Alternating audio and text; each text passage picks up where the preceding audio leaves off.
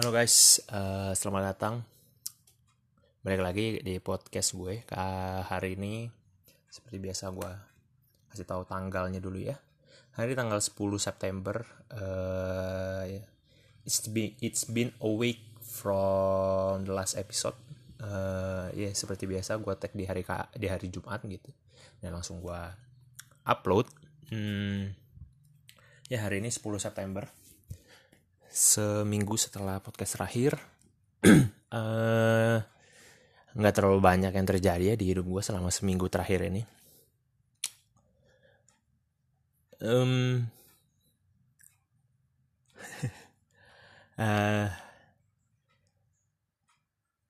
dari seminggu terakhir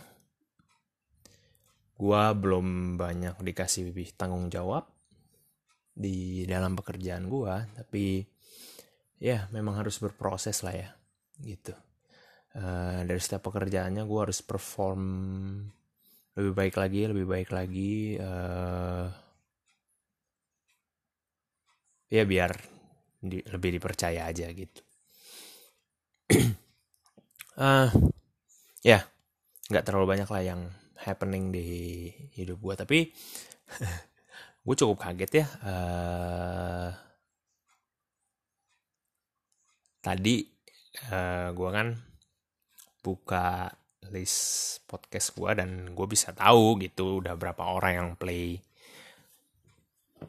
Tapi ya gue ada bisa tak gue bisa gue gue gue bisa lihat uh, berapa orang analytics analytics lah. Bahasa bahasa bagusnya. Analytics dari setiap episode gitu. Dan ternyata uh, episode kemarin uh, gue nggak play sendiri ya. Gue nggak ngeplay sendiri tapi ya tapi kalau gue ya harusnya sih kalau gue play sendiri ya tetap masuk ya. Tapi gue inget selama seminggu ini gue nggak ngeplay uh, podcast gue tapi uh, biasanya angkanya nggak segitu gitu biasanya ada. Gue nggak tahu sih orangnya siapa. I hope bukan orang yang uh, stakeholder maksudnya pemangku kepentingan bagi uh, urusan-urusan gue lah gitu semoga. Karena kan ini kan tempat ngoceh ya jadi tempat mengeluh jadi ya nggak nggak enak aja well no hard feeling lah. Uh, eh, gue cuman kalau memang itu offended uh, sorry. Kalau itu emang diartikan ofensif sorry bukan offended ya dan uh, kalian offended merasa terserang ya. Offended itu uh, merasa ya merasa terserang lah ya gitu ya gue minta maaf lah uh, ini cuma tempat ngoceh gitu gue cuma butuh ngeluarin apa yang ada di otak gue gitu. Gue nggak bisa gue nggak bisa sembarangan salurin ini ke mana-mana gitu. Jadi ya gue pengen ngoceh sendiri aja gitu. Jadi please do not be offensive. Ah uh, ya. Pokoknya uh, balik lagi ke angka analytics ya itu. Angka analytics biasanya nggak segitu gitu. Uh, eh, gue nggak sebut angkanya nih karena sangat kecil gitu. Tapi uh, ya biasanya nggak segitu gitu. Terus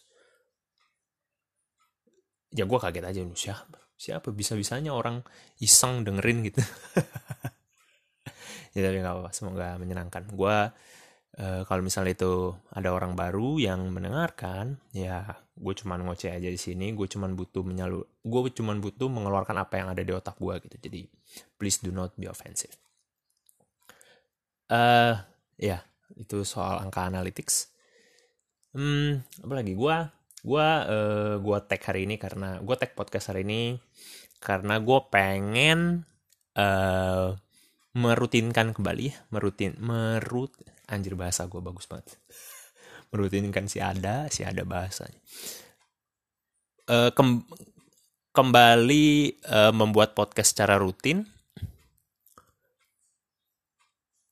Uh, ya pengen aja gitu tanpa alasan yang jelas gitu. Gue ya kita sebagai manusia kayaknya sering gitu uh, melakukan sesuatu tanpa alasan yang jelas gitu karena ya pengen aja gitu. Terus ya walaupun gue nggak ada topik ya sebenarnya. Gue nggak ada topik hari ini jadi mungkin ngobrol ngomongnya agak sedikit ngarol ngidul gitu jadi nggak terarah.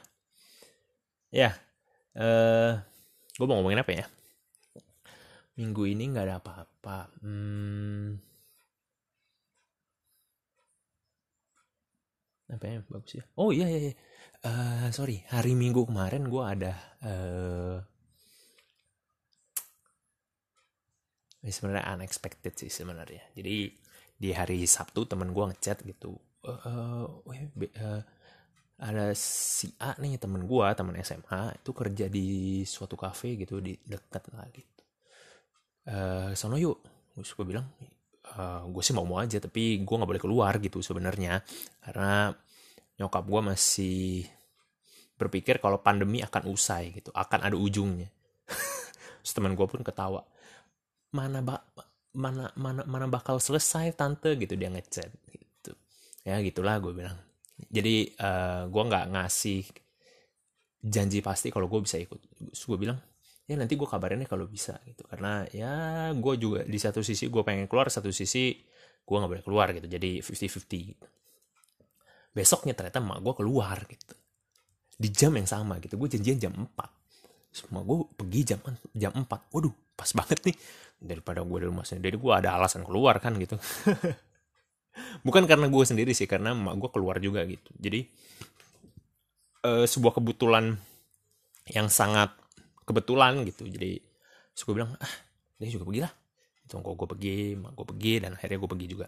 Terus gue bilang e, teman gue uh, gue jadi bisa ikut nih uh, jadi jam berapa bla bla bla mau naik apa bla bla bla bla bla bla gitu.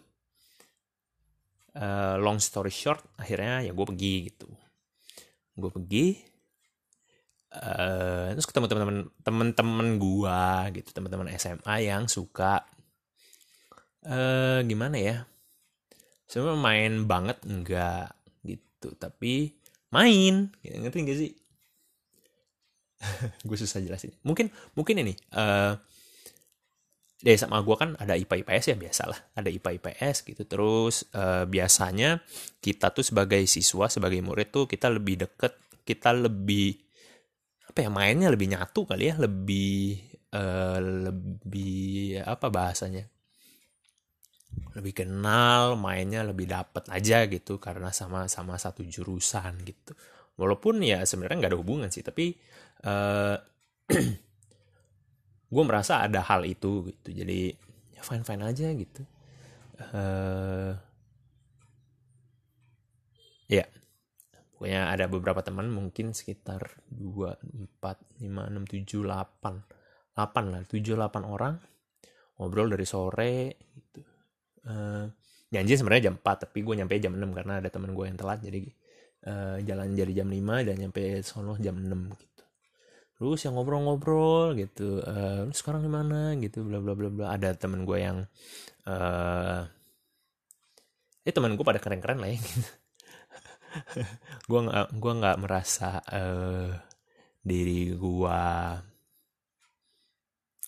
mana ya uh, uh, uh, uh, apa bahasanya? Gue nggak merasa diri gue lebih tinggi dari yang lain gitu. Karena temen gue pada ya temen gue ada yang udah ada ada yang tiba-tiba S2 ada yang udah kerja ada yang udah sana sini lah. Banyak lah gitu. Itu uh, ya gitu. Terus uh, ngobrol lah. Kita ngobrol sana sini. Uh, seperti biasa nature-nya sebuah eh sebuah kelompok berkumpul ya. Pasti kita ngomongin orang gitu. Terus ada beberapa cerita yang sangat lucu terkait hmm, ya ada temen gue yang memang uh, ya kelakuannya emang lucu aja gitu. Lu pasti pernah ngerasain lah uh, lu sebenarnya tahu gitu. Tapi lu pura-pura nggak tahu aja biar yang bohong seneng gitu. yang yang biar yang bohong merasa eh iya gitu. Biar biar yang bohong merasa seneng. Ya kita ngomongin orang gitu ya ya. Gue bilang ya emang pantas saya diomongin kan gitu. Jadi udah. Akhirnya kita ngomongin dia dan itu banyak yang keluar. Hahaha banyak yang keluar dari teman-teman gue merasa hal yang karena mereka merasakan hal yang sama gitu. Deh teman-teman gue pada merasa orang ini tuh ya memang agak bodoh aja gitu. Dia udah gitu terus um, ya itu hari minggu malam dari jam 6 mungkin sekitar sampai sekitar jam 10-an gitu. Hari malam udah sepi gue nyampe rumah sekitar jam setengah sebelasan. Ya udah bisa tidur. Uh, ya udah terus beraktivitas seperti biasa. Itu deh.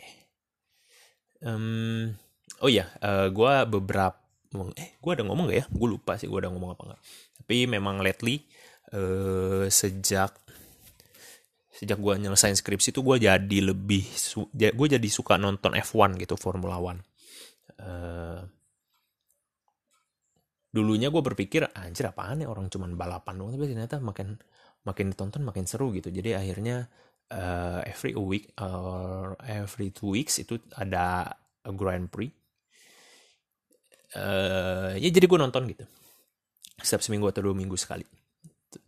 Terus uh, kabarnya baru-baru ini seminggu ini terlalu banyak uh, berita dari F1 itu. Hmm, karena memang di bulan-bulan ini tuh menjelang akhir tahun pembalap pembalap-pembalap itu kan drive drivernya itu pada uh, resigning kontrak gitu. Jadi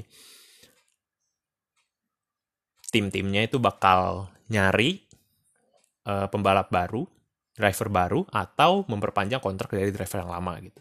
Dan ternyata banyak uh, surprise di minggu ini gitu. Ada beberapa ada yang Kimi Raikkonen uh, itu ternyata gue gua nonton kan baru-baru ini 2021 tapi ternyata dia cukup legend gitu. Di beberapa di beberapa tahun yang lalu gitu. Dia sempat beberapa kali menang uh, World Championship. Tapi uh, mungkin pas gue nonton dia bukan di tim leadernya gitu. Gitu ya setiap kompetisi kan ada yang ada yang nomor satu ada yang nomor terakhir gitu. Jadi ya memang dia tuh ditempatkan di tim yang uh, middle tier lah gitu. Gitu dan dia uh, yang cukup legend akhirnya uh, retire ya pensiun gitu ya pensiun terus ada beberapa nama yang tiba-tiba meledak gitu uh, George Russell itu memang sudah diprediksi dari beberapa bulan yang lalu tapi hmm, kita para penonton kan masih uh, cuman cuman nerka-nerka gitu, cuman merebak, cuman merebak. Eh, kayaknya ini bisa masuk deh karena ini bisa masuk ke sini, ini bisa masuk situ gitu. Ternyata George Russell bener naik ke Mercedes. Mercedes itu leader tim ya, uh, 7-8 kali dia juara dunia dimenangkan oleh Lewis Hamilton driver drivernya itu tujuh kali juara dunia dia uh, Ya, uh, yang yang yang bikin keren tuh bukan tujuh kali juara dunianya. Ini tujuh kali juara di dunia strict gitu. Maksudnya uh, secara berurutan gitu. Dari 2002 eh sorry 7 tahun kalau terakhir 2020 7 kali 2013 2012 2013 yang menang Mercy terus. Itu keren banget menurut gua. Uh, lu bisa ya lu bisa menangin juaraan dunia gitu itu keren banget. Uh, tapi uh, nggak usah deh nggak usah ngomongin itu. Terus dia uh, Mercy ini leader tim di F1-nya gitu. Terus ada satu anak yang tadinya udah di F1 di tahun-tahun kemarin tuh ada di F1 tapi di tim juniornya si Mercy gitu. Jadi biasanya tim-tim besar tuh punya dua uh, tim punya dua tim di Formula One kayak Mercy ada Mercedes uh, terus ada Williams terus ada Red Bull ada Alfa Tauri itu tuh sama eh, sama-sama yang punya satu gitu tapi dia bikin dua tim dia bikin dua Formula One tim um, ya uh, jadi yang tim kecilnya ini biasa buat juniornya gitu. Jadi uh, yang dari Formula 2 menang terus menang terus dinaikin masukin ke tim junior dulu. Di tim junior uh, performance-nya cukup baik dia naikin ke tim utamanya gitu sih biasanya. Dan uh, George Russell ini hmm, dia ada di tim juniornya Mercy yaitu Williams Racing gitu. Uh, terus ya udah dia di sign kontrak. Gue nggak tahu sih untuk berapa tahun nih. Ya mungkin ya minimal uh, selama setahun ke depan dia di Mercy gitu. Tapi nggak menutup kemungkinan uh, dia bakal ditendang gitu karena performancenya kurang baik. Kayak Alex Albon. Alex Albon itu gue nggak tahu ya mungkin satu-satunya mungkin untuk sekarang yang pembalap dari Asia Tenggara Southeast Asia yang masuk ke Formula One. Dia orang Thailand gitu. Thailand Inggris. Bapaknya Inggris tapi emaknya orang Thailand. Dia tadinya masuk Red Bull di tahun 2020 2019 gue lupa. 2019 atau 2020 2020 ya kayaknya seingat gue Iya, tapi dia performance yang kurang baik langsung ditendang gitu. Cuman dia cuman megang berapa? Dia cuman berapa uh, balapan gitu. Mungkin nggak lebih dari 10 lah dia balapan. Habis itu dia ditendang keluar.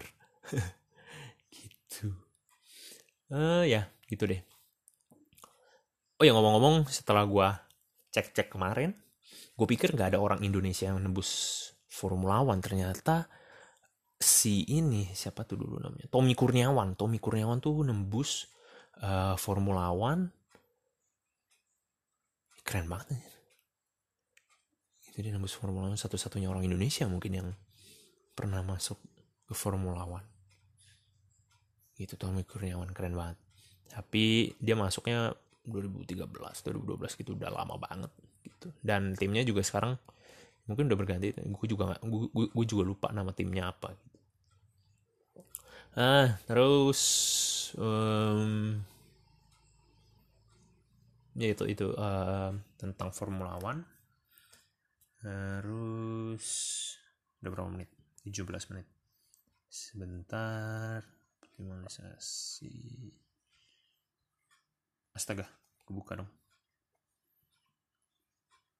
Bentar. Oke. Okay. nothing's happen. Terus um, apa lagi ya? Formula One uh, hari ini harusnya ada sih. Hari Jumat ini minggu ini harusnya ada. Biasa tuh dia oh ya minggu ini ada F1 sprint. Benar benar benar benar. Minggu ini uh, F1 sprint F1 sprint ini metode baru balapannya gitu. Kemarin sempat diuji coba sekali di UK Silverstone uh, eh ah uh, enggak, enggak. gue lupa gue lupa. Gue lupa uh, di negara mana. Oh ya F1 nih uh, tiap balapan itu di beda negara gitu biasanya. Tapi karena pandemik, um, ada beberapa negara yang nggak bisa didatengin. Dan gue lihat patternnya adalah semua negara di Asia di cancel. Gitu. Even Jepang, eh, F1 nggak jadi datang di Jepang. Gitu. Nggak jadi balapan di Jepang. Sebenarnya paling dekat dari Indonesia di Singapura. Gitu. Di Marina Bay Sands ya. Uh, sorry gue lupa nama track ya. Uh, I don't know gue lupa. Um, ya yang paling dekat tuh di Singapura. Um, mereka aja nggak datang ke Singapura. Even Jepang yang Jepang ya mungkin gara-gara Olimpiade kali ya mungkin. Olimpiade kan di Tokyo tuh di Jepang. Jadi uh, nambah resiko lah gitu. Itu sih. Mungkin ya mungkin. Karena tadinya di Jepang tuh di scheduling. Ada ada ada ada di schedule-nya tapi tiba-tiba di cancel gitu. Mungkin karena uh, Olimpiade itu angkanya angka COVID-nya naik gitu. Jadi ya better better di cancel lah daripada terjadi sesuatu kan gitu. Kimi Raikkonen ini juga yang tadi gue cerita Kimi Raikkonen ini uh, udah dua minggu ya dari minggu lalu Eh, nggak uh, ikut balapan karena uh, positif covid. Ya udahlah. Nah dulu Lewis Hamilton juara dunia tujuh kali itu. Dia pernah sekali eh pas hari H balapan tiba-tiba dia dia uh, pas dites dia kena covid gitu. Dan yang gantiin Josh Russell. Wah, keren banget. Tuh mungkin titik di mana para F1 fans tuh mikir anjir kayaknya tahun depan nih yang masuk Mercy ini George Russell deh gitu. Gitu sih menurut gue anyway balik lagi. Uh, jadi di F1 tuh ada metode eh, metode baru. Gue nggak gitu gue lupa sih bedanya apa ya. Gue lupa sih nanti gue nonton. Gue lupa uh, bedanya apa sama sama yang qualifyingnya biasa gitu. Tapi ada bedanya gue inget itu itu sih. Biasanya rangkaian tuh Jumat Jumat Sabtu Minggu. Uh, di hari Jumat tuh Jumat sore ada latihan eh sorry. Jumat sore tuh ada iya latihan satu latihan pertama kali. Uh, malam jam 8 ada latihan kedua kali terus besoknya Sabtu. Sabtu sore itu latihan ketiga kali Sabtu malam jam 8 itu qualifying hari Minggu malam jam 8 itu race-nya gitu. Jadi suatu rangkaian gitu berderet. Gitu. Jadi, tapi ya. Apalagi kalau ada yang kecelakaan. Gue bukannya nyumpain orang kena kecelakaan ya tapi anjir seru banget kalau Evan tuh ada kecelakaan kayak wah anjir langsung gimana sih tegang gitu loh anjir. Seru banget. Karena uh, F1 tuh kan olahraga ya. Olahraga itu uh, kebetulan pakai alat alatnya itu mobil. Itu. Karena dia pakai alat yang mob, alatnya mobil ya jadi lombanya bukan balapan mobil uh, bukan balapan untuk juara satu lagi gitu. Tapi ju uh, balapan banyak banyakan duit. Semakin banyak duit semakin bagus mobil lu. Semakin bagus mobil lu uh, ya mobilnya bagus. Habis itu lu punya duit untuk bayar uh, driver yang oke okay juga dua-duanya klop mobil sama driver oke okay, semuanya bagus ya lu bisa juara gitu. Gitu. Uh, anjir tadi gue ngomongin apa ya sebelum ngomongin anjir kok gue ngeblank gini? Ya astaga astaga astaga. Um, Anjir gue tadi ngomongin apa ya? Anjir gue ngeblank ngomongin F1 ngomongin apa ya? Balapan banyak-banyakan duit. Astaga ngeblank. Ya pokoknya gitu. Balapan. Gitu. Hmm, terus apa lagi ya?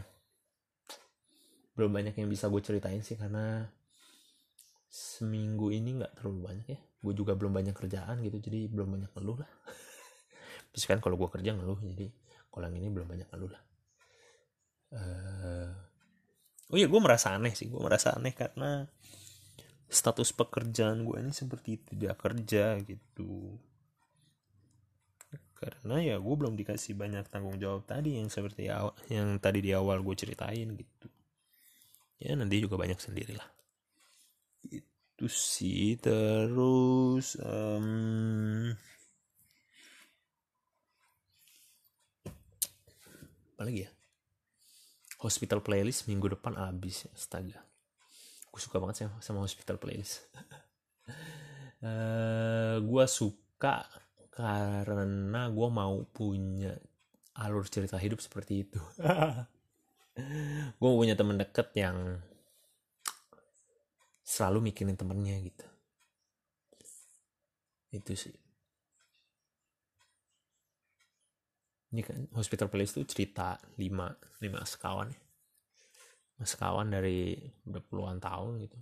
Udah 20 tahun dia temenan gitu dan masih temenan banget sampai sekarang di karena yang pertama kenalannya dari satu kampus yang sama terus uh, semakin dek, uh, terus berteman karena di satu tempat kerja yang sama gitu gitu sih.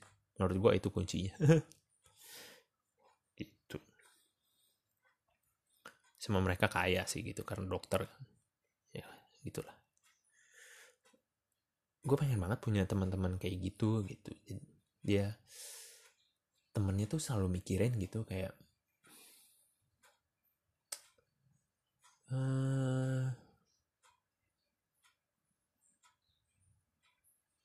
ada apa pun bakal ditolongin gitu. Itu kayak terharu banget gitu temen bisa sampai kayak gitu karena jujur aja sampai sekarang um, ya nggak banyak lah temen gue yang kayak gitu. I hope gue tapi nggak bisa juga ya nggak bisa ngarepin um,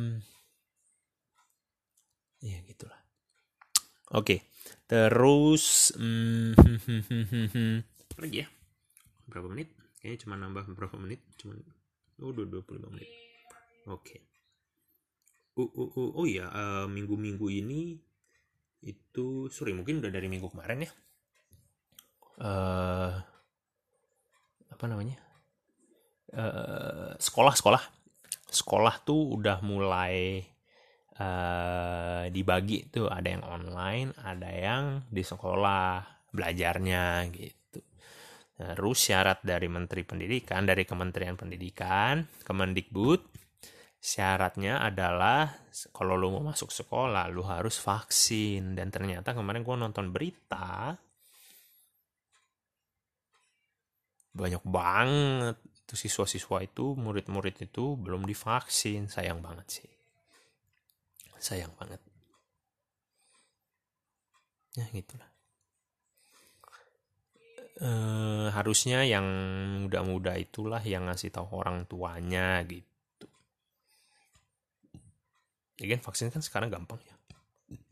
Vaksin tuh gampang banget memang dari dulu. Mungkin kemarin karena ada covid outbreak lagi di Indonesia ya itu bikin susah uh, ininya aja karena berebutan berebutan gitu.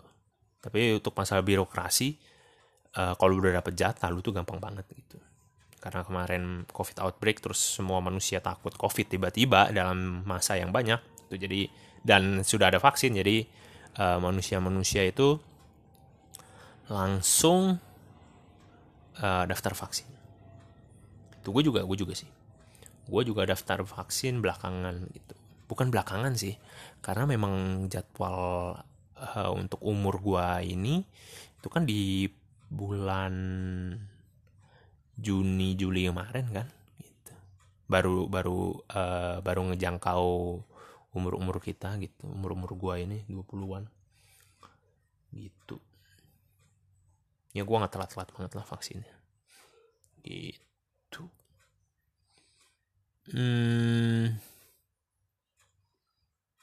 Ya itu aja kali ya.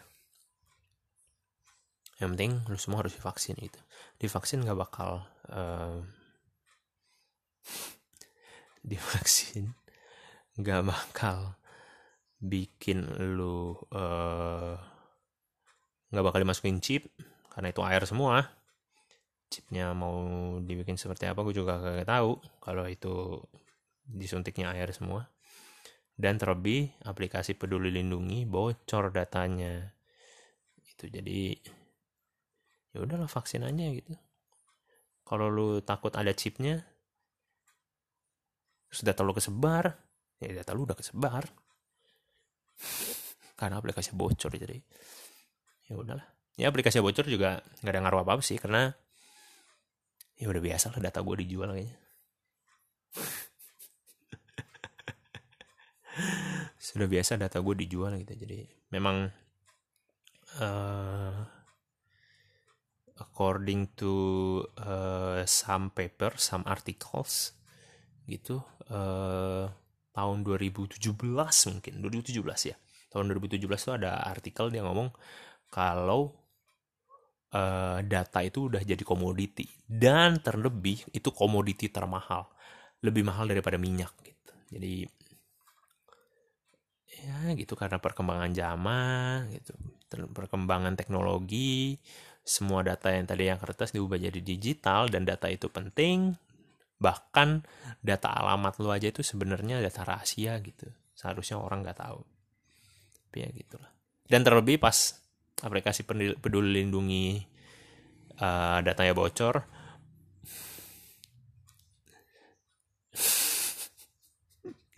sore ini lucu banget. Sertifikat vaksin Jokowi tersebar. ya kita tahu ya, uh, dari dari hal itu kita tahu uh, Jokowi nggak punya privilege untuk nggak pakai aplikasi peduli lindungi. Itu bagus which is good karena tidak ada perbeda pembedaan uh, apa namanya nggak ada privilege untuk orang-orang tertentu. Tapi ya itu menandakan kalau kebocoran datanya segitu masifnya gitu sampai lu ketemu yang punya Jokowi gitu. Ya gitulah mungkin ya setiap aplikasi ada celahnya ya. Terlep, uh, terus aplikasi peduli lindungi ini uh, buatan pemerintah terus kegunaannya banyak sebenarnya. Itu dia bisa ngetrack uh, perjalanan lu itu karena sekarang mayoritas kalau lu datang ke tempat umum tuh harus uh, scan barcode dulu di aplikasi peduli lindungi biar ke track kalau lu tuh ke tempat A tempat B tempat C gitu. Terus ketika lu di suatu tempat uh, aplikasi peduli lindungi itu kalau lo mau buka itu require untuk uh, nyalain GPS gitu. Dan dia bisa nge-track uh, di wilayah lu seenggaknya mungkin kecamatan ya. Kecamatan lu itu kecamatan atau kelurahan lah.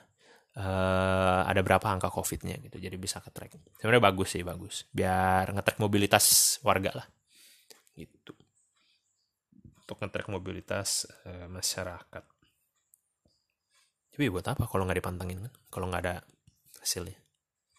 Cuman paling ya mobilitas uh, rakyat bertambah berapa sekian persen gitu ya. Mungkin dari situ doang uh, lo bisa ininya kegunaannya gitu. Ya gitu sih. Uh, data-data bocor udah nggak heran ya. Oh ya sorry. Uh, omongan gue belum selesai tadi. Um, karena aplikasi peduli lindungi ini dipakai dipakai sam dipakai banget sekarang karena uh, buat ngetrack mobilitas masyarakat tadi yang tadi gue jelasin ya jadinya mungkin uh, orang-orang itu pada tertarik gitu. Karena tadi dua alasan ya data itu uh, komoditas yang termahal sekarang bahkan lebih mahal daripada minyak dan aplikasi peduli lindungi itu cukup cukup digunakan sekarang. Jadi uh, ya tujuannya untuk ngejual data tadi gitu. Caranya yang ngambil dari aplikasi peduli lindungi karena itu punya pemerintah satu terus itu akan dipakai uh, sana sini. Jadi dapat dipastikan mayoritas datanya itu valid gitu bener gitu. Segala macam nama tanggal lahir nomor nik uh, alamat dan lain-lain. Pasti bisa dinyatakan eh bisa dikatakan kalau data itu valid lah gitu jadi diperjualbelikan. Orang dapat untung. Dari data gue ya gitulah kira-kira. Hmm, ya itu inherent risk ya. Inherent risk dari uh, perkembangan zaman. Itu sih resiko bawaan. Resiko bawaan dari peng uh, kom, uh, uh, apa bahasanya? Resiko bawaan dari zaman komputerisasi ini gitu ya gitu. Gitu sih. Ya udahlah. Sudah lama juga ngobrolnya udah nggak jelas juga. Udah 30 33 menit 34 menit. Uh, itu aja dari gua. Semoga uh, lo orang semuanya dengar siapa pun itu sekali lagi no hard feeling. Oke? Okay? kira-kira gitu. Semoga lu dalam keadaan sehat semuanya. Jangan sampai sakit kalau ada sakit tahu diri jangan terlalu banyak mobilitas ya seenggaknya di rumah aja lah. Itu ya kalau lu covid ya jadi nggak banyak yang kena gitu. Itu aja sih. Sekian dari gua uh, thank you semuanya